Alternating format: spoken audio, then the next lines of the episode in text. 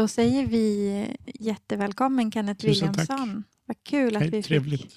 haffa dig här på Ja. keramiksymposiet i Mm. Leksand. Mm. Mm. Fint. Och eh, jag tycker att vi kastar oss in direkt Frida. Ja, det tycker jag med.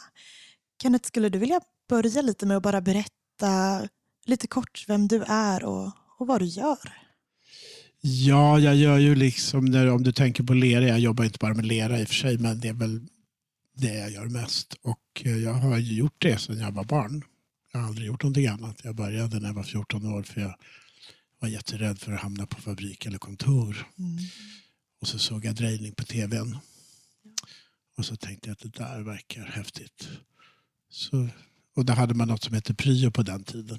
Mm. Så då åkte jag till en verkstad där och så fick jag vara där. Och eh, då visste jag det, att det var rätten för mitt liv. Liksom. Och då blir jag nyfiken, vad var det du såg på tv som gjorde Ja, det var någon fast? som drejade något bara. Mm. Vad som helst, jag minns inte ens vad det var. Utan det var väl själva tekniken, alltså the magic. Va? Helt enkelt. Som det ju är ungefär som man ser dem blåsa glas. Va? Det är liksom någon slags obegripligt innan man förstår hur det går till. Va? Och sen är det klart att eh, personligen så är ju lera för mig jag tänker att material är en läggningssak ganska mycket om man gillar trä eller metall eller lera. Och för mig är plasticiteten i leran och att den härdar så långsamt som gör att man har en ganska lång stund på sig att formulera. Så att, eh, för mig är nog, i det avseendet är jag keramiker. Annars så kallar jag mig inte för keramiker Mm. eller krukis alls. Utan jag är konstnär som jobbar med lera på olika sätt. Mm. Ja, vi tänkte lite på det. Mm, Vad, mm. vad lägger du för vikt i ordet keramiker? Och vad är, det som, är det just att du, att du menar att du håller på med så många Ja, men jag vill inte, jag vill inte vara kategoriserad. Jag är Mm. inte krukis. Liksom. Jag, är, jag gör ju muggar och allting där som man gör. Va? Men jag gör ju också Mm. helt andra saker. Va? Jag gör ju jag gör utsmyckningar, jag gör liksom performing art, jag gör serviser. Och det har råkat bli det här materialet som är så bra. Men jag, jobbar, jag gör ju saker i lera som inte ser ut som lera. Så det är bara det att det är ett, it's a very handy material. Helt enkelt. bara. Och du var inne lite på det, vad, vad det är som du tycker så mycket om med leran. Ja, den är väldigt erotisk. Ja. Jag jobbar i ganska mycket erotiska teman så där skulle jag säga. Eller kroppsformer och Ja. ja. Kan, kan, hur, sensualism. Ja. Mm. hur, hur kan det se ut för den som lyssnar?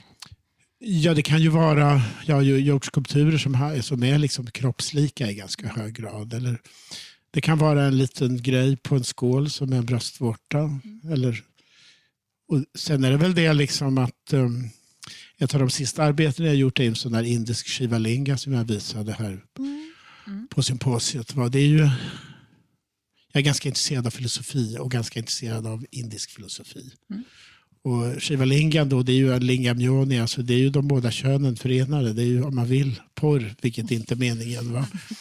Utan det handlar ju om liksom universums helhet, va? manlig och kvinnlig princip förenade. Liksom. Mm. Så det kan ju verka lite flummigt men eh, jag tillhör ju den generationen va, som läste liksom Hermann Hesses Siddhartha. Va, och jag skulle aldrig kalla mig för buddhist va, men alltså, jag ligger ju nära där. Va, och jag är fascinerad av österländskt tänkande som säkert också har kommit genom keramiken, ärligt talat. Mm. För jag fick av Kerstin Wickman som är professor i design. När jag var väldigt ung så fick jag en bok av henne som hon hade köpt i Japan som heter Objects Born Not Made. Det är Unknown Craftsman av Yanagi, om ni känner till honom. En, ko- en um, japansk konsthantverkare, eller kritiker kan man säga, som upptäckte att den anonyma varan. Va? Och det finns ett museum i Tokyo som visar upp, alltså anonymt konsthantverk kan man kalla det. För det där blev för mig en väldigt Wow. eye-opener. Mm. Verkligen. Mm. Han var god vän med Hamadara, de stora berömda.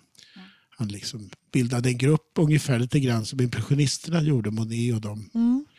liknande. De var väl fyra, fem stycken, några keramiker och så Yanagi då, som var teoretiker. Så det hade väldigt stor betydelse för mig så att att tänka i, kanske i en österländsk riktning, tror jag. Mm. Det är spännande tanke. Just att Ja. släppa, släppa skaparen och att föremålet får vara det som det är. Ja, jag är ju mer intresserad av Mm. föremålet än personen Mm, bakom det, mm. måste jag säga. Ja. Mm.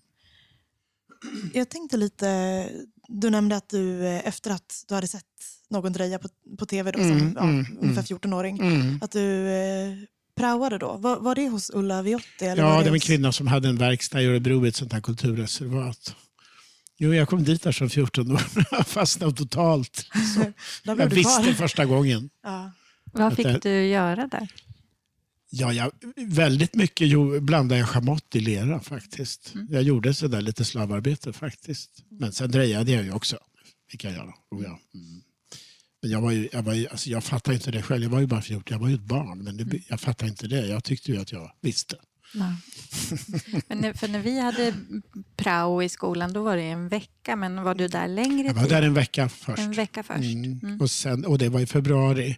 Men då frågade jag om jag kunde få komma när skolan var slut. Ah, Så då var jag där hela sommaren. okej. Ja. Ja. De såg väl de här människorna att jag var helt besatt. Va? Så Mm. de tog in mig. Liksom. Och, och hur såg det ut eh, efter den eh, tiden, sommaren hos Ulla? Ja, jo. Då såg jag en utställning under hösten. För sen när skolan började igen i nian, då åkte jag in varje helg. Va? Jag bodde tre mil utanför Örebro. Då. då tog jag tåget in och så var jag där på helgerna och drejade och drejade. Och, drejade. och då var det en utställning på ett muse museet där i Örebro med Ulrika och Bertil Wallin, glaskonstnärerna.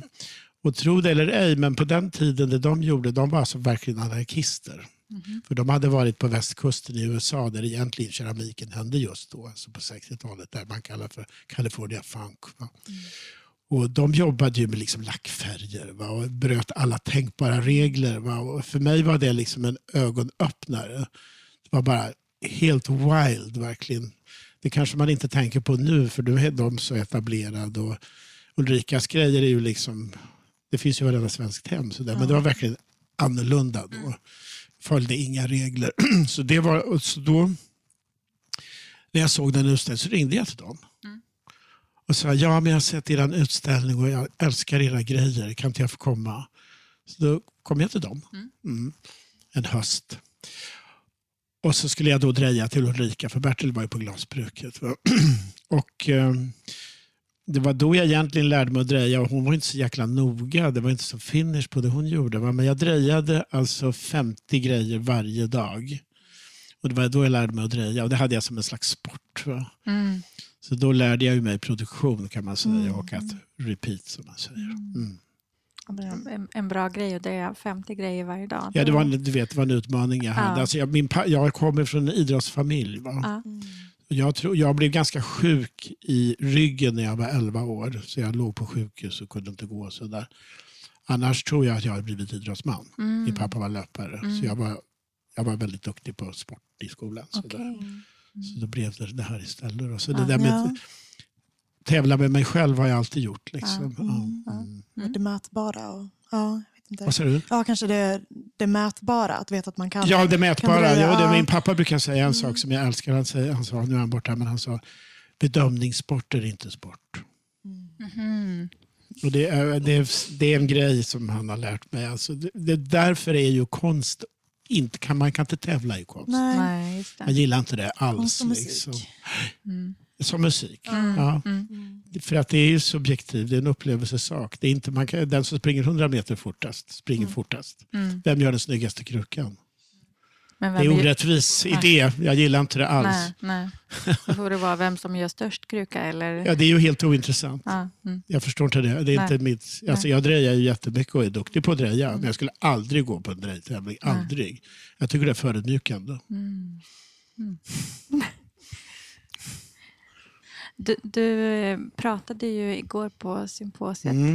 eh, och då nämnde du att under 90-talet så Mm. hade du, då släppte du idén om att bränna. Mm. Mm. Kan inte du berätta lite Jo, om det? det kan jag visst berätta. Jag är liksom galleristernas skräck var under lång tid för jag är så jävla sen med allting. Mm. För jag skjuter alltid, äh, inte längre så mycket, men under lång tid av mitt liv så har jag alltid skjutit upp jobbet. Och inte för jag inte tycker om det, men jag är så rädd att misslyckas. Va? Så jag har liksom skjutit det framför mig, vilket betyder att jag blir väldigt, har blivit väldigt, väldigt sen. Och, eh, och då började jag jobba med stora format och skulpturer och sådär. Och, och började bränna dem på ett tegelbruk i närheten där jag bodde. Och så där. Men eh, det var helt enkelt så att till slut fanns det ingen tid för bränning. Mm. Och, jag, och då blev det en filosofi för mig som inte kom sig egentligen av från början en idé utan av någon brist på tid. Och sen så fann jag ju en idé i det. Va?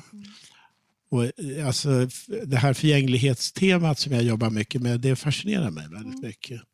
Just att man, eftersom allting förändras, jag menar energin är ju, den fortsätter ju, men tar an olika former. Så för mig är lite grann att göra då, försöka göra ett perfekt verk som jag vet kommer att förolyckas, är ju på något sätt att göra en bild av universum, då kan man säga. Men det att du då vet att de energierna bara omvandlats. Kan, Ja, det väldigt mycket när jag har gjort stora jobb så betyder det, då har jag gjort någonting av åtta ton och sen är det Mm. elever på någon Mm. skola som tar hand om Ja. den ledaren och så drejar de buggar av den eller någonting. Så. Mm, kanske det kan vara en tröst. Tänker att annars, Ja, det, om- det blir ju om- lite tröst så, men det är Ja. också på något vis att fejsa någonting. Va? Som kanske till och med går bortanför yrket som har att göra med mig personligen. Vi kommer alla att dö. För när du Typ. berättade, Mm. då, då kände jag direkt att, att jag skulle nog tycka det var ganska jobbigt. Mm. En form av sorg när man har lagt ner så ja, mycket tid mm, i något. mm, mm. Och så ska det bara Jo. förstöras. Ja. Nej, men det är många som har reagerat just så. Ja. Och framförallt kanske människor lite äldre. Sådär. Uh, ja, men jag är sorgsen människa. Och glad. Men jag har mycket sorg i mig. Det har jag. Mm. Inte av något särskilt skäl. Jag är människa och då är man också sorgsen. Eh, vi tänkte lite på också dina samarbeten med andra keramiker och även icke-keramiker. Signe Persson Melin till exempel. Hur kan de här samarbetena se ut som du har gjort? Ja, de, de, är, de är egentligen inte någon kollab, collaboration, collaboration utan det är mer så här att eh, jag Signe, nu har jag drejat den här fina krukan. Kan du inte rita på den? Ah. Så det är mer att man ger varandra gåvor. Mm. För att vi är ju, alltså de jag har jobbat med är ju extrema individualister. Jag har också jobbat med bildkonstnärer ganska mycket. Mm. Och det handlar inte om att liksom ha en gemensam idé. Utan det är en gemensam förälskelse skulle man kunna säga i att göra och skapa. Då, va? Och Ivan Toika som jag visade bild, han var ju verkligen en mönstermänniska. Va? Han har gjort mycket tryck för Marimekko och så vidare. Va?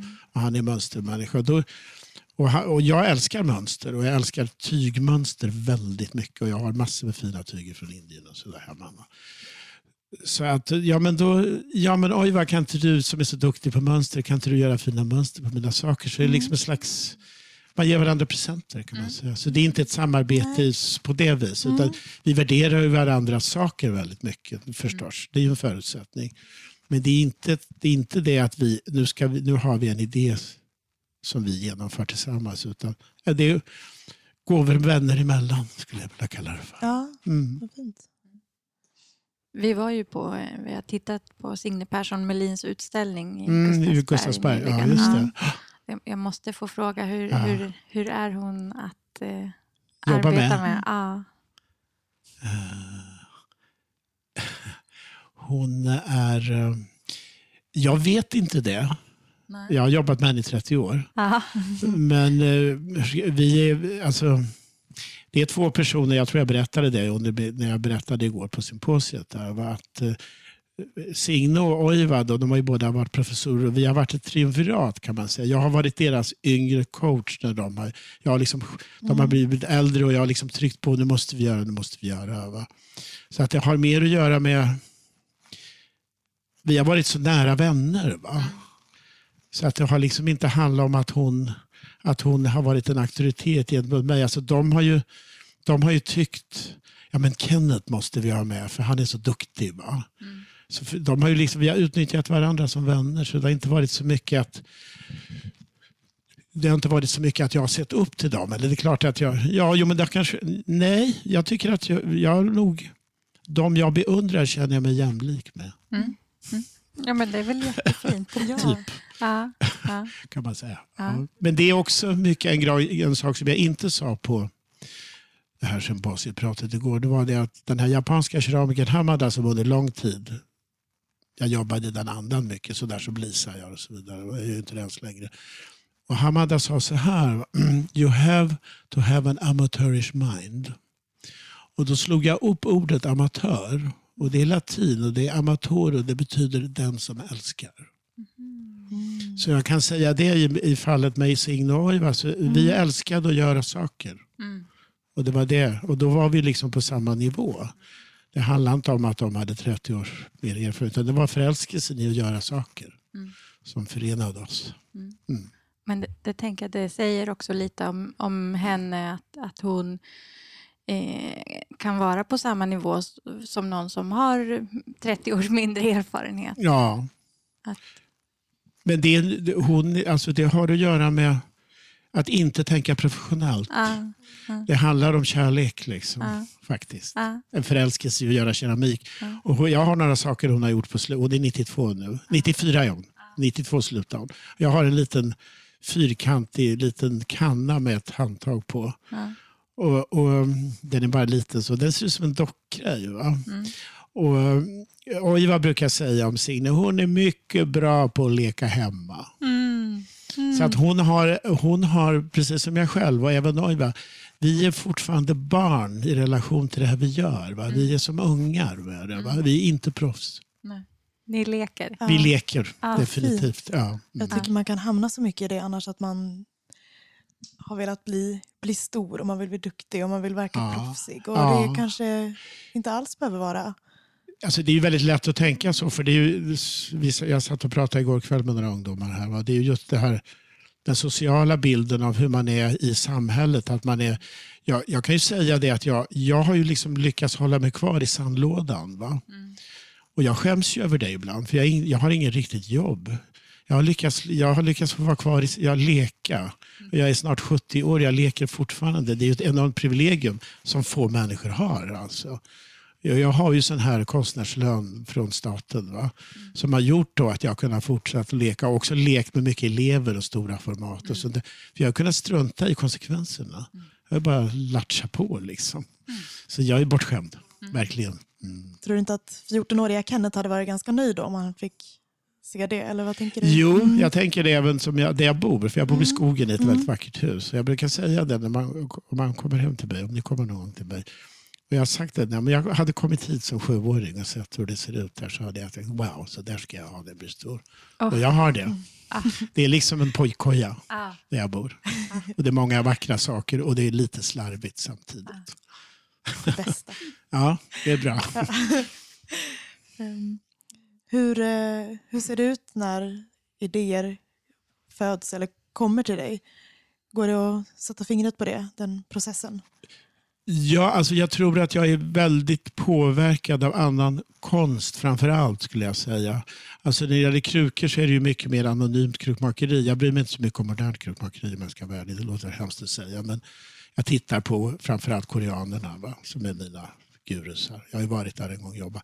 Annars är det nog mycket det att jag upplever att jag är en del i en rörelse. Och eh, då kan det vara så här, eh, vissa konstnärer som jag beundrar väldigt mycket. Det finns en amerikansk skulptör som heter Richard Serra som jobbar väldigt minimalistiskt med stora plåtar. Och då kan det vara så att eh, ja, men nu kan jag sitta i bilen och köra och så vet jag att jag ska dra muggar. Ja, men jag gör en Richard Serra-mugg. Så kan det vara. Va? Så att jag, jag, är, jag gör egentligen sällan något eget. Jag är bara en del av en stor rörelse som pågår. Och det är klart att valen är väl personliga. Mm. Men i övrigt så gör jag inget originellt. Det gör jag Mm. inte. Nej. Det är också så fint att du, att du säger det tycker jag.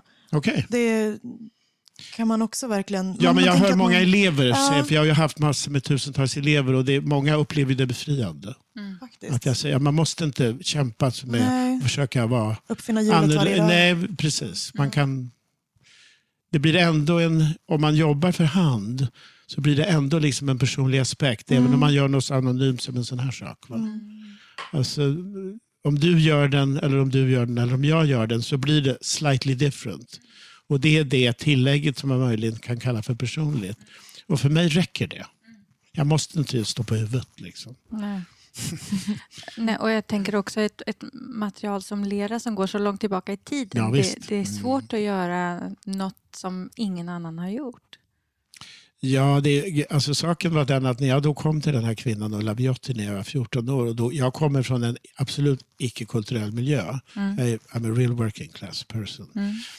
Så var det ju det va, att då gjorde jag ju som jag såg saker omkring mig. Jag såg bilder av Signe Persson Melin och de där som var kända på den. Det här är ju 60-tal. Och då minns jag att hon sa till mig, Ulla, ja, men det där ser ut som Signe, eller det ser ut som Karin Björkqvist. Men jag minns att jag tänkte då, ah, det skiter jag i. Mm. Jag tycker det här är fint Mm. och jag vill göra så. Jag struntar i om du tycker att någon annan har gjort det. Och det var ju väldigt klokt av mig. måste Ja, jag säga. Och ja. det har jag bevarat. Och tack vare att jag inte har någon utbildning? Ja. så har jag liksom hållit kvar det. Jag tror att jag skulle få gå som specialelev på Konstfack när jag var 16. Och av någon anledning, säkert också av blyghet och rädsla, så avstod jag. Va? Men jag tror att det har räddat mig undan en massa saker som jag kanske hade haft problem med om jag hade gått på en skola där man talade om si och så. Och si och så. Mm. så jag är ju liksom väldigt självlärd. Va? ja, för du har inte gått någon Mm. Nej, utbildning nej. som har med lera att göra? Nej. Mm. Jag har varit lärare halva livet på keramikskolor men jag har aldrig gått på ja, jag tänker nu när vi är inne lite på det. Mm. Vad ser du för dels utmaningar men också då fördelar med att vara autodidakt och inte ha en högskoleexamen så? Det finns fördelar och nackdelar med den. Jag var ju ganska ensam. Va? Eftersom jag alltid och är liksom, jag är ganska social människa men jag är också ganska blyg vilket folk inte fattar. så att det är klart att på det sättet, alltså jag har ju många kamrater jämnåriga men, men alltså det finns ju en grej med att gå på skola och jag har ju på sätt och vis gått på skola. För jag har ju hängt med folk i er ålder nästan hela mitt liv. Och jag har aldrig gått på möten, jag har aldrig haft något kontrakt på de ställen jag har jobbat. Utan, ja men Kenneth han kan vara i verkstad med eleverna för det där han gör bäst ifrån sig. Va? Så jag har liksom på det sättet fått vart elev fast jag aldrig har varit elev då kan man säga. Mm. Fantastiskt privilegium. Men jag, jag, jag inser att jag är väldigt bortskämd. Men så det, det kan du tänka skulle kunna vara en nackdel att du inte har varit e- eleven så som du började säga? Ja, men jag hade barn när jag var 19 Ja. år. Liksom. Ja. Ja. Så jag blev på ett sätt vuxen fort. Va? Men jag har ju tagit igen det. Va? Och det tror jag kan vara en väldigt fin grej. Jag har jobbat där på Konstfack i många år, men framförallt på Kapellagården som vi kanske lite liknar här på Leksand. Mm. Och det är det att det är mycket mindre prestige och mycket mindre noja när man går i en lägre utbildning. än man- men Jag, men jag ser många elever som är förstörda när de kommer till högskolorna. För då blir det så himla nervöst. Det blir så ängsligt va? och man måste vara rätt och man måste vara rätt i tid och allt möjligt. När man är på de här utbildningarna så är det mindre, det är mindre byråkrati och det är mer, ja, det är mer avspänt tycker jag. Så att på Capella är det eleverna samarbetar hur mycket som helst. Mm. Det är väldigt lite armbåge. Jag antar att det är liknande här. Ja, verkligen. Mm, Absolut. Mm. Och jag tänker också det som du har pratat om, att du ser samma värde i bruks som i annan konst. Eller att konst Absolut. också är eh, att bruks också är konst. För det Ja. kan man ju känna av ibland. Ja, ja, oh ja. Absolut. att det jag, skulle menar, vara he- så. jag har varit i den hierarkin Ja. hela mitt liv. Va? Att funktionen på något vis ska Ja, ta bort värdet. Vilket är, men men faktum är att jag har, alltså, jag har ju haft mycket utställningar hela mitt liv. Och jag, har ju, jag har alltså visat muggar och tillbringare på konstgallerier. Men det tror jag har att göra med att jag har så benhårt hävdat att det är konst. Och då har man liksom köpt det. Och- Och jag tror att det är viktigt att tänka på det om man nu gillar att göra bruks. Va? Då tror jag man måste, det är viktigt att man, you don't underestimate yourself by making pottery. Det är väldigt viktigt liksom, att man förstår det. Därför att det höjer också kvaliteten på det man tillverkar. Och man ser på sig själv ur en annans, inte bara som liksom underdog. Va? Mm. Och jag har aldrig gjort, jag har aldrig sett mig själv som underdog. Nej. Men problemet har ju varit där hela tiden. Verkligen. Mm. Men det känns ju också som något du kanske har kunnat ja, bära med dig på ett annat sätt i och med Ja, att du inte tror jag. har Jag gått tror igenom det. hela Ja, den. nej. Ja, Och det för kanske jag lite har blivit befriad Mm. av. Dels att jag var klok nog att förstå när den där kvinnan, Ulla Viotti, sa till mig att det ser ut som den och den och den. Och jag tänkte, skit väl jag i. Mm. Det är jätteskönt att höra i alla fall. Verkligen. Ja. Jag härmar en, alltså jag Ja. pratar, det, det var mycket jag inte fick säga. Så mycket jag vill säga. Det är väldigt viktigt att härma. Mm. Det gör man som barn och det är så man lär sig. Och det är så man blir en människa och det är så man också kanske gör en egen aspekt av att våga härma. Mm. Därför om man hela tiden måste tänka på att göra någonting som ingen annan har gjort, det är ett helvete. Mm. Det är, det är, inte, det är liksom, verkligheten är inte sån. Nej. Man är en del av en rörelse. Liksom. Mm. Det tror Ja. jag. Mm. Ja. Hur, eh, hur kommer det sig att du har fått undervisa eller hänga med eleverna på högskolor? Ja, det finns. eh, Det var så här i mitten på 80 80-talet. Så, ja, jag har ju alltid varit väldigt aktiv. Va? Jo, men det var de här elever som gick på Konstfack. Mm. Och de gick till rektorn. Mm. Och jag hade aldrig ens varit på Konstfack Okej. faktiskt. Nej. Och sa, ja men det är en kille där, han heter Kenneth och han är galen i att göra keramik. Kan vi inte få honom som lärare då? Mm. Så gick det till. Ja, så gick det Mm. till. Så det var eleverna som hämtade mig. Annars tänk, jag har eh, lite, jag vet inte om det är en fördom, men att, Mm. att som, för att få vara lärare på en Mm. konsthögskola, att man själv måste ha gått en sån utbildning. Ja, alltså det tråkiga med nutiden är ju det, va, det är ju precis det här att man har gått tillbaka till 1800-talet. Man ska ha en stämpel. Va? Mm. Alltså, jag, har ju, jag har ju fina stipendier och sånt som jag har fått av staten. Och det tror jag, om jag hade börjat nu Mm. så hade jag inte fått dem därför att jag har ingen stämpel. Mm. Så på det sättet har tiden gått bakåt. Jag förstår inte alls det här med mästarbrev och sånt där. Alltså skråtänkande, det känns... Jag menar, jag var ung på 60-talet, liksom, då man gjorde revolt mot alla formaliteter. Va? Så jag fattar inte alls det här att det ska vara betyg och att det ska vara garantier. Det när det, kon, konst är anarki, det innehåll, finns inga garantier. Mm. Det är vitsen med konst. Att den är fri. Liksom. Det är intressant just det som du säger med kvalitetsstämpel. För det, vi har ju haft samtal också om det här med att Mm. ställa ut Mm. eh, offentligt till exempel, Mm. offentlig Mm. gestaltning. Att det- det är ju verkligen en kvalitetsstämpel att du har en akademisk utbildning inom Ja, konst. ja. Mycket saker Jag tycker, det är orätt, jag tycker det är orättvist. För det, då finns det liksom bara en väg att bli keramiker, keramikkonstnär. Jag har en dotter som är jätteduktig verkligen. Och hon har ju heller då ingen utbildning förstås. Inte av mig heller verkligen. Och hon bara upptäckte när hon var strax under 30 att hon kunde alltihopa. Och, hon är, och jag skulle säga att hon är formsäkrad. Hon jobbar i kanske som Lucy Rihanna kan man säga. Men hon, hon, hon vill ju inte vara i kulturvärlden alls. Va? Men hon jobbar på heltid åt en restaurang som en Michelin-restaurang som heter Vaxen i Stockholm. Och hon gör allt porslinet till hans, den här Magnus, den här killens matsal. Va? Så när han har gjort en ny rätt så gör hon en ny tallrik. Det är vansinnigt lyxigt. Mm. Men hon skulle ju inte få stipendium. Nej. Och hon är jätteduktig. Mm. Så, det, ja. Ja. så det, på det sättet har det gått bakåt. Mm. Tyvärr, måste Mm. jag säga. För det är ju ingen, det vet ju jag som har så många elever, det är ju ingen garanti att man har gått på någon skola. För att man, alltså man kan ju ha duktiga lärare och man kan ha goda kamrater som gör att man utvecklas. Mm. Det är väl vitsen med att vara på en skola, måste jag säga. Även för mig som lärare. Men det är ju ingen garanti för att man har framgång. Mm. Det tror jag inte. Eller att man har stämpeln. Mm. Man måste skärma världen. Mm. ja, nej. Det är den lilla detaljen. nej, inte alls. Man måste, Mm. man måste eh, gå sin egen väg. Mm. Den kan vara att göra någonting som är helt anonymt, som i mitt fall. Det har ju blivit min väg. Man måste vara trogen sig själv. Mm. Det är viktigt.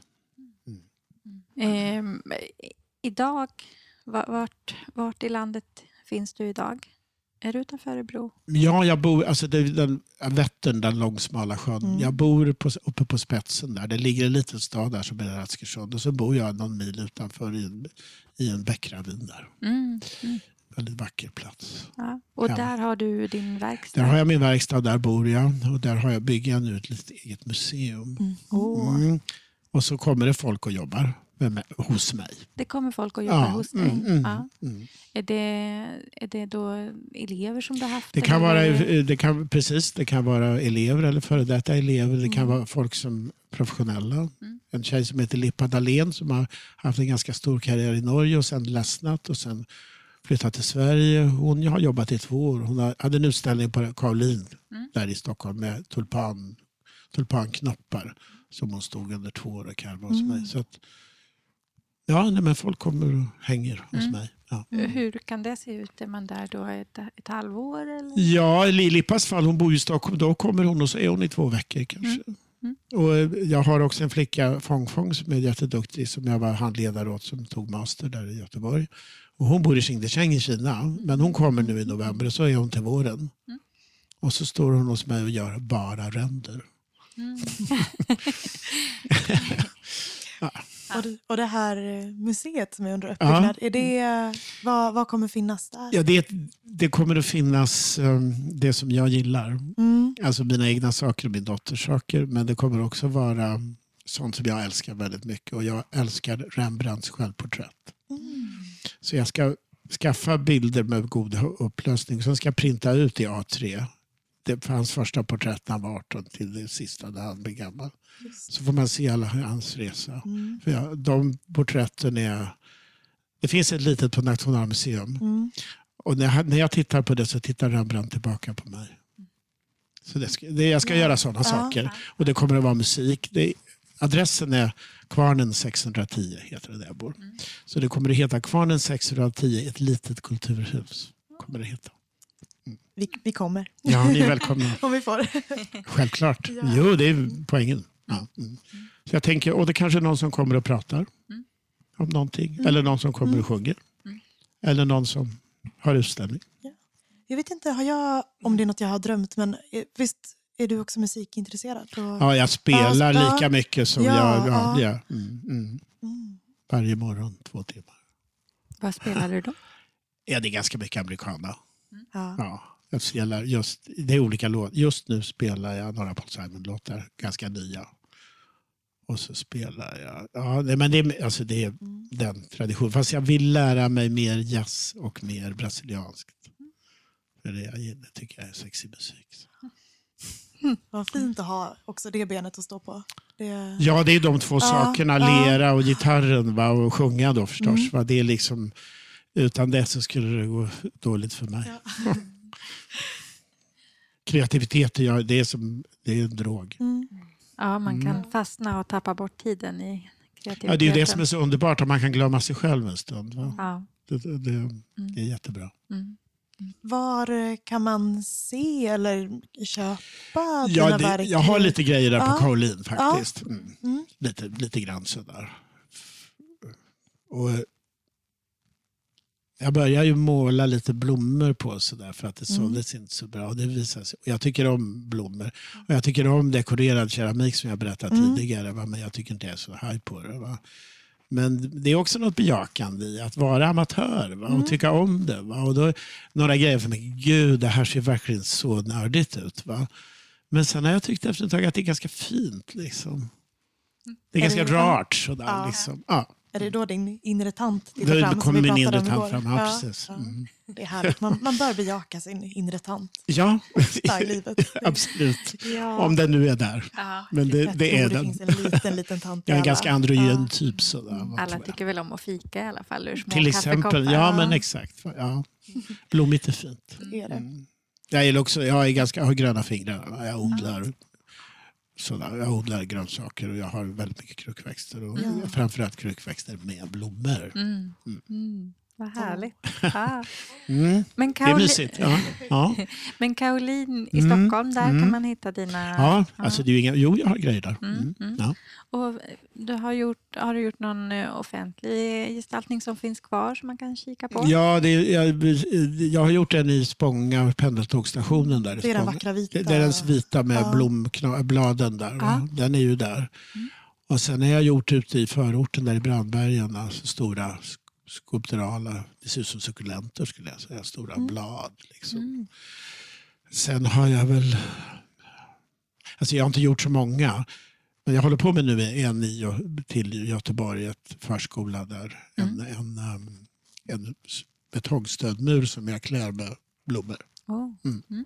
Mm. Och det är blommor då som är ganska stora. Liksom. Så man, det blir lite som att vara liten som i en tecknad film när man Mm. ser det. Liksom. Så där, Mm. Dis, äh, tidiga Disney-filmers estetik älskar jag. Ja. Så, det är jättefint tecknat tycker jag. Mm. Liksom. Mm. Vad fint. Mm. Tänk att vara ett barn och komma och se Mm, det. jo, det ja. precis. Ja. Ja, men de verkar gilla det. Mm. Ja, mm. Så det ordnar sig väl, tänker Mm. jag. Ja. Och Nationalmuseet vet jag att där har ja där har jag en del någonting. grejer. Ja, Ja. Ganska många saker tror jag. Ja. Mm. Och de var ganska tidiga med att köpa in något från dig. Ja, jag, hade- jag blev liksom lite upptäckt när jag var 19 år. Ja. Jag hade en utställning i Västerås. Då drejade jag liksom väldigt brutalt och rått i lergods. Och så engoberade jag det med vit angob och så var det bara transparent glas, men det var vitt.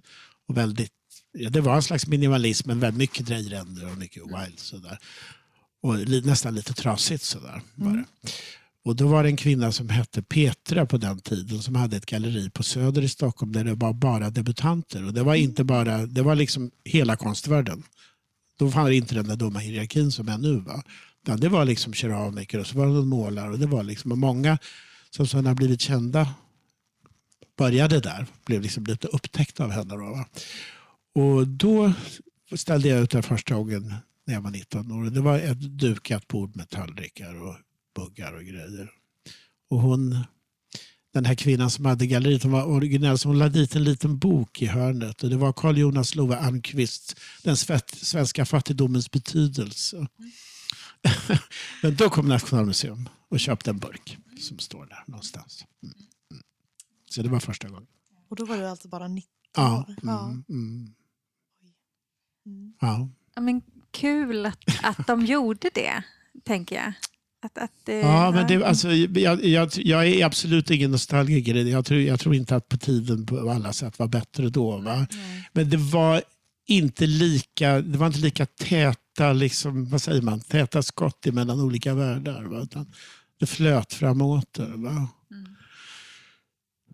Ja, nej, de Ja. kom. Sen Ja. har de ju handlat genom åren. Mm. Mm. Mm. Nej, det, det, man ska inte vara för nostalgisk. Det är mycket som har Nej, blivit bättre ja, idag. tveklöst. Mm. Absolut Mm. inte det. Mm. Men just på det sättet. Ja, det tror jag haft svårare idag. Och sen var det ju färre som gjorde keramik å andra sidan också. Då. Det är ju en stund sedan. Det känns roligt. Jag tänker, apropå saker som ändå blir bättre. Jag tänker bara nu när vi har varit på symposiet att det Mm. känns som att keramiken blir mer tillgänglig. Att det är många som är här som kanske inte har hållit på så länge. Många yngre. Ja, ja, ja. Det- Oh, ja, ja. Ja, tillgängligheten. Och det är ju Ja. kanske också sign of times. Mm. Jag ser ju det när jag har kurser på Kapellagården på sommaren. Mm. Jag är inte där på vintern längre. Va? Men då är det, ju, det är ju väldigt mycket arkitekter, för- designers som sitter framför datorn. Va? Behovet av att vara fysiskt görande är ju väldigt uppenbart att det är en väldigt stark trend i samhället. Och inte bara när det gäller keramik, överhuvudtaget göra fysiska saker. Mm. tror jag verkligen det är. Det, blir, det är ju längtan och ett behov eftersom allting är så Mm. teoretiserat. Mm. Mm. Mm. Men jag tror det är en reaktion på det här. Mm. Mm. Mm. Ja. Men jag älskar Instagram och jag älskar Spotify. Så det är dubbelt. Ja. Ibland kan man känna när man tittar Instagram så kan jag känna det ibland. Alltså det flimrar förbi tusentals bilder och så kan jag känna en viss leda. Mm. Ja. Det finns en dikt av Werner Aspenström Mm. som går så här. Det ena året är lådan gul, den andra blå. Det tredje året är, är lådan regnbågsfärgad. Eh, ledan har visserligen en början men aldrig något slut. Mm. Det är Vem- lite tufft. Vem, Ja. vem sa det? Werner Aspenström, han är bara en svensk poet. Ja, ja. Men jag, när jag läste den först jag, åh gud. Liksom. Mm. Det finns ju en fara i flödet. Va? Mm. Att det trivialiserar upplevelserna. Va? Ja. Mm. Att tyvärr, och det betyder ju inte att verken i sig behöver vara dåliga. Nej. Men flödet av mängden, för man kan inte ta in det. Nej. Mm. Om jag går på museum då går jag och tittar på två, tre grejer. Så jag klarar inte mer. Nej. Jag kan inte ta in. Liksom. Det är för mycket. Liksom. Mm. Mm. Men det kan man, man får selektera lite. Mm. Mm. Mm. Ja, man får lära sig det tror jag. Det får man Att nog göra, tror jag. Ja, om man Mm. känner att, man, att det är mycket. Sådär. Mm. Mm. Men sen är det klart att det är kanske också en generationsfråga. Jag menar, jag är jag har kanske inte mer, jag kan, ni kanske selekterar bättre för att ni är mera vana vid mediet. Jag vet inte. Ja, åtminstone kanske de som är ännu yngre än oss. Ännu yngre, ja Ja. precis. Mm. Ja, mm, mm. Ja, mina barnbarn alltså, de har ju smartphones. Mm. De är liksom tre fyra år. Mm. De kan ju det. Liksom. Ja, och de, har nog, de lär sig att hantera det. Jag, jag anar det. Ja. Mm. Så man kan inte, alltså det är, som jag säger, det är, det är, alltså, att jag längtar inte tillbaka. På något sätt. Absolut inte. Va? Sen kan jag väl se då att i mitt eget fall så kanske jag hade lite tur att jag var ung när jag var ung. Mm. Och det, de här sakerna jag berättat för er om att de var möjliga på ett sätt som jag tror kanske är lite tuffare idag. Mm. faktiskt. Mm. Ja, det, är, det är lätt att man bara blir oroad över liksom, ja, men, Ja, det går ner i åldrarna med liksom, Ja. tekniken och liksom det ja.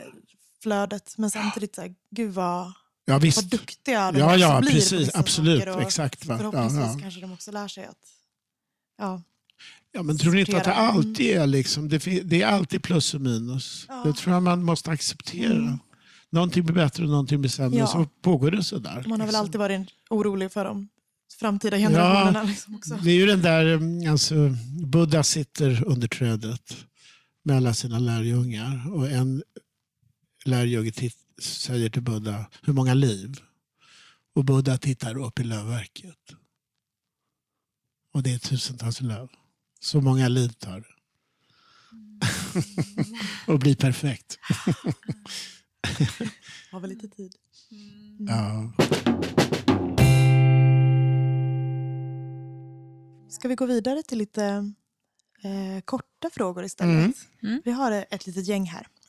Till att börja med, eh, finns det något verktyg som du inte kan vara utan? Absolut. Mm. Det finns några som jag inte lånar ut. Oh. Mm. Jag har några väldigt mjuka gummisken. Och sen har jag två träbitar som jag har haft i 20 år. När jag drar upp trycker upp leran så tunt som jag gör. Va? Mm. Och jag, blir, jag får ångest. För jag, lånar, jag kan inte låta bli att låna ut dem. Va? Nej.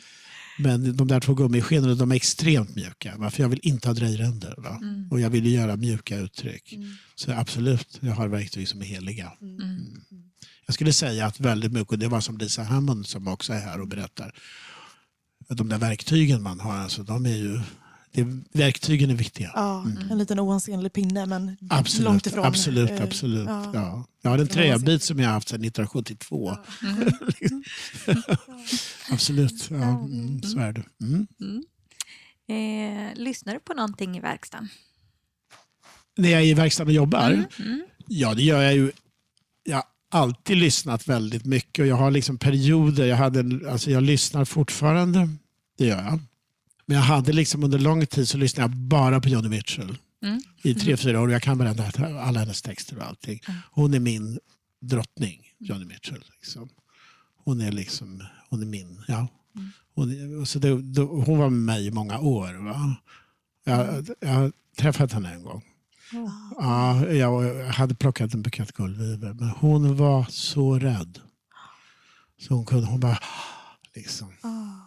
Känslig människa, men en sån begåvad människa. Ja. Liksom. Så, um, jo, absolut. Men har, alltså, musik är ju för, alltså om man nu ska, man ska inte tävla i någonting. Men det är klart att musiken är ju,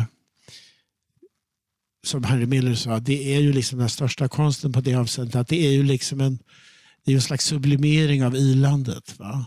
Det är så ursprunglig sak. Va? Paul Simon, det finns en textrad som är Somewhere in a burst of glory sound becomes a song. Mm. Så det är klart att musiken är för mig, den är nog större än min konst. Mm. Mm. Men jag är ju det är jag ju mycket mer än wannabe. Liksom. Jag, är ju inte, jag är ganska duktig på att spela och sjunga. Det är okej. va?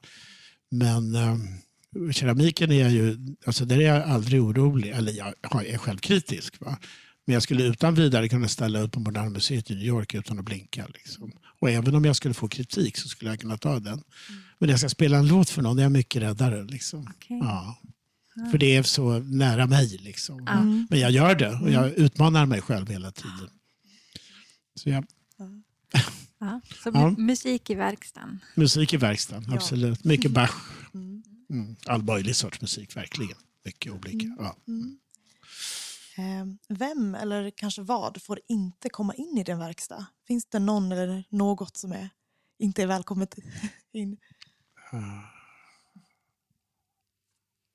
Gips eller någon Rika katt? människor som försöker pruta. Oh, Ah. Ja, den är jobbig. Har du varit med om det? Absolut. Det är lite laddat att säga, men Ja. är det rika människor? Men människor som man känner, kanske, eller anar, Mm. och som har som princip Mm. Att se om man kan komma. Ja, det, är lite Det, det kan jag reagera på. Ja, Mm. Ja. gillar inte det så mycket. Men det, alltså, det händer inte särskilt ofta, måste Mm. jag säga. Nej, men alltså... Jag tycker ju om, alltså, som ni kanske har förstått, jag vill ju att världen kommer till mig. Va? Så att jag säger ju egentligen alltid ja, kan man säga. Man får komma på besök. Man får komma på besök, absolut. Ja. Har du Mm. någon favoritlera som du använder? Alltså, Yasuda Takashi, vet ni vem han är? Nej. Japansk keramiker som numera är i Kina. Han har, han har varit här. Yasuda? Eller? Ja, Yasuda Ja. Ah, Takashi. Yasuda. mm. Ja. Ja, han brukar ju säga det alltså att you just have to get used to the clay. Så det har ju lite, och han har gjort väldigt mycket, jobbat med många olika leror, Takashi. Va? Så att jag skulle säga att det beror lite på vad det är jag ska uttrycka. Det är samma sak, ibland är det jätteviktigt med en klassisk celadonglasyr och en annan gång är plastfärgen bättre. Så jag kan inte säga att jag har någon favoritlera på det sättet. Utan eftersom jag gör så mycket olika sorters keramik så har det mer att göra med hur det ska se ut. Ja, Och då har jag en favoritlera just för det ändamålet. Ah, Så skulle jag säga. Mm. det. Ja, så det beror lite på, på ändamålet. Så ja. Mm. Absolut. Men, men Mm. visst eh, har du använt lera från området i Oh ja. Hallsberg? Väldigt mycket. Jo, det är lera där som är. Det går ju ett stråk av lera över landet från Göteborg och snett upp mot Uppland. Med lergård, sådana vanliga tegelleror som man kallar det för. Och den leran som finns nära mig där, den är ju då, den har väldigt kort brännintervall kan man säga när den mjuknar som de sådana leror gör. Men den är ju, jag har faktiskt skrivit om det i en bok om Uppsala Ekeby. Det här att eh, alltså lergodslera, va? den är ju finkornig som ett porslin men har en absolut stabilitet. Va? Så om jag bara skulle tänka på drejningen så skulle jag säga att den där halsbergsleran uppgrävda det är, den, det är den absolut mest sofistikerade lera jag någonsin har jobbat med. För den är jättestadig, man kan dreja supertunt och den är jätteplastisk. Så att, ja, men jag har en favoritlera och det är den. Det är bara det att den, alltså om man drejar så tunt som jag gör den det tar liksom första gången så går det bitar ur den för den är så jävla skör. Blir det? Wow. Men det är en underbar lera. Ja. Det är den sexigaste av alla leror. Ja. Och den är också sån va, att när man tar upp den ur marken, va, då är den ju... Alltså, det, naturleror måste man liksom väcka till liv. De är inte som leror som kommer i paket som redan är processade och gått i en kran. Utan de är liksom, har de legat där i jorden, de är som en jordklump bara. Så börjar man knåda dem och så kommer de. Liksom. Så det är ju... Nu romantiserar jag lite, men faktum är det att de lerorna de är ju sublima på ett sätt som maskingjorda leror inte är. brukar Jag, säga. Så jag har någon favoritlera, men jag använder den nästan aldrig. Mm. Jag gör glasyrer av den. Ja, okej. Mm, Mm. Mm. Har du något verktyg i verkstaden som egentligen har ett annat användningsområde? Lite inne på de här gamla Mm. träbitarna kanske. Måste jag tänka? Jo då. När jag bygger skulpturer så jobbar jag jät- jättemycket med såna här Stanley, alltså såna raspar som man har till gips. Mm. Mm. Nu har de blivit ganska populära. Sådär. Sen är det de där dockkavlarna och det där jag jobbar med när jag ringlar, att Ja, jag rullar upp leran. Mm, små Det är kablar något, som... ja, det är som bara, ja, Ja. det där har utvecklats. Jag har haft elever, en tjej från Danmark som är jätteduktig, hon har gått på Royal College. Hon har liksom utvecklat en hel, alltså möjliga olika former på rullar. Mm. Och hon jobbar som perfekt. Hon gör saker som ser ut som de rinner och sådär. Mm. Med de där kavlarna. Så, så det, är liksom, det är ju ett verktyg som från början inte alls har varit tänkt för lera men som har blivit ett lerverktyg. Och som ja. faktiskt också tillverkas i USA. Så. Mm. Men rasparna där, är, ja. de där det, jag har sett det. De hade det här nu i den här lilla shoppen här på symposiet. Ah, Så hade de sådana små Mm. korta och det, ni har det säkert i verkstaden Mm. här gissar jag. Mm. Men det är ju ett verktyg som från början inte är keramiskt alls. Nej. Mm. Man hittar sina användningsområden. Precis. Eh, finns det något fält inom keramik som du skulle vilja lära dig mer om? Något du är nyfiken på? Ja, jag skulle vilja kunna jag skulle vilja kunna måla som perserna har gjort. Alltså de har gjort underbar keramik som man inte känner till så mycket. Jag skulle vilja kunna måla blommönster som inte, har- är man, som inte har maneret av något drivet. Va? Jag är livrädd att det finns någonting i, i keramikvärlden där man gör någonting slängt. Sådär, va? Jag hatar det liksom, när det ser sådär. Det måste vara liksom från hjärtat på något vis. Va? Så jag skulle vilja kunna måla, ja men vi sitter på väggarna här inne där det Ja. är kurbitsmålning. Va? Att, liksom kunna måla så utan maner, om ni förstår vad jag Mm. menar. Utan någon slags vana. Utan jag målar en blomma och det är första gången jag målar en blomma. Det skulle jag vilja göra. Men det är ju någon slags... Det är ju dels teknik men det är också att ta bort teknik Mm. på något sätt. Och inte heller då... Jag tycker japanerna när de drejar gör snett. Va? Jag tycker det är fusk. Mhm. Ja, men det är tillgjord spontanitet. Det är ju inte på riktigt. Mm. Blir det snett för att man drejar snett, Mm. fine. Mm. Men göra det snett, det förstår jag inte. Jag tycker det är koketteri. Eh, ja, vill du dela med dig av något eh, sådär haveri som har hänt med en utställning eller i verkstaden? En riktig keramikkatastrof. Ja, alltså det, det har varit många katastrofer, det kan jag verkligen säga, och verkligen katastrofer. Men jag har ju liksom räddat det varje gång. Men jag gjorde en utställning för många år sedan med stora väggfat på ett galleri i Stockholm i mitten på 80-talet.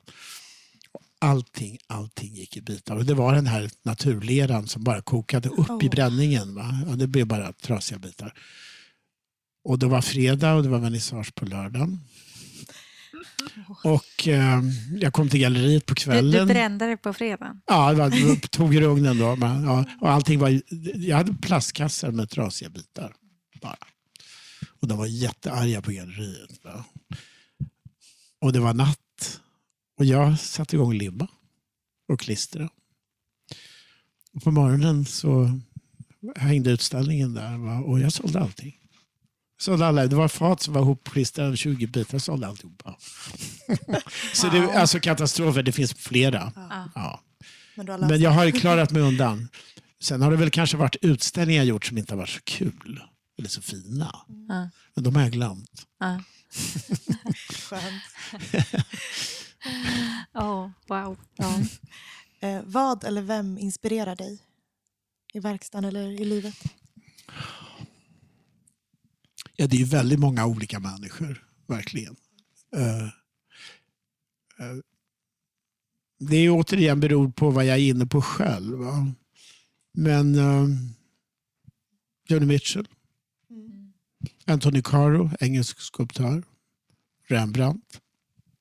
Ken Sand, krukmakaren på 1700-talet. Så jag har massor med ikoner, verkligen. så. Men lite beroende på vilken resa jag själv är inne på eftersom jag jag har ingen lust att göra samma på det sättet. Liksom. Jag vill vara fri. Jag vill, jag vill måla blommor eller jag vill göra något jätteminimalistiskt. Så jag, jag leker ju. Det är ju det. Okej? ja, absolut. Eh, vem tycker du att vi ska prata med i Keramikpodden? Eh, jag tycker att ni skulle prata med... Alltså det, det finns olika, eftersom jag tycker så mycket olika. Mm. Men Jonas Lindholm, som Kerstin Wickman som var här professor visade en bild. Det är ju närmast industriellt. Va? Ja. Men han är ganska pratsam kille va? och han kan prata om varför han jobbar som han gör. Va? Mm. Det, är, det är återigen inte så, men det är vansinnigt välformulerat. Va? Signe är för gammal, annars skulle ni ha pratat med henne, men hon är, det är kanske lite för sent. Det kanske blir svårt. Det är lite för Ja. svårt. Ja, det är det. Mm. Ja, det hade varit Eh, fantastiskt. ja, mm. Men ja, sen har jag en elev som heter Lina som bor i Skåne. Och hon modellerar någonting som ganska många gör. Många tjejer framför allt faktiskt. Hon gör mycket människor och djur och det är väldigt små skulpturer. Och jag tycker hon är så begåvad verkligen. För det är en sort som jag ibland kan bli lite sådär, för det är så trendig grej. Va? Men hon gör det med så mycket innerlighet. Och hon är ung tjej och hon är precis i början av karriären. Men henne, jag ska fråga henne om inte jag kan få låna tre Bara Mm. tre av hennes små verk. Hon Mm. visar bara tre små verk. Ah, För de har så mycket kärlek i sig. ah. Och hon är jätteduktig. Men det kan vara en flicka som sitter på knä och det en hund bredvid som Mm. tittar på henne. Och så där. Och det, ja, det, det är rörande. Mm. Men det är väldigt välgjort. Det är Mm. jättefint. Mm. Ja, Lina Eriksson. Det är fint. Eller jag, det känns spännande. Jag tycker det. Ja, vad kul. Mm. Ja, Så mm, där, Så. nu har vi, det var det hela. nu har vi Ja. nog Okej, lyckats ja. ställa de frågor Ja. vi, Ja. vi hade. Ja. Det gick ju bra. ja, det gick jättebra. Vad kul att vi Okej. fick prata Ingen med orsak. dig. Ja, Ja. roligt. Nej, men jag tycker det är kul att prata som ni märker. Så. Kul att få komma in i din värld en liten stund. Okej, Ja. trevligt. Härligt. Ja, kom och Ja. hälsa på. Ja. Mm. Ja. Tusen tack. Ja, mm. Tack. Okej. Tack så jättemycket.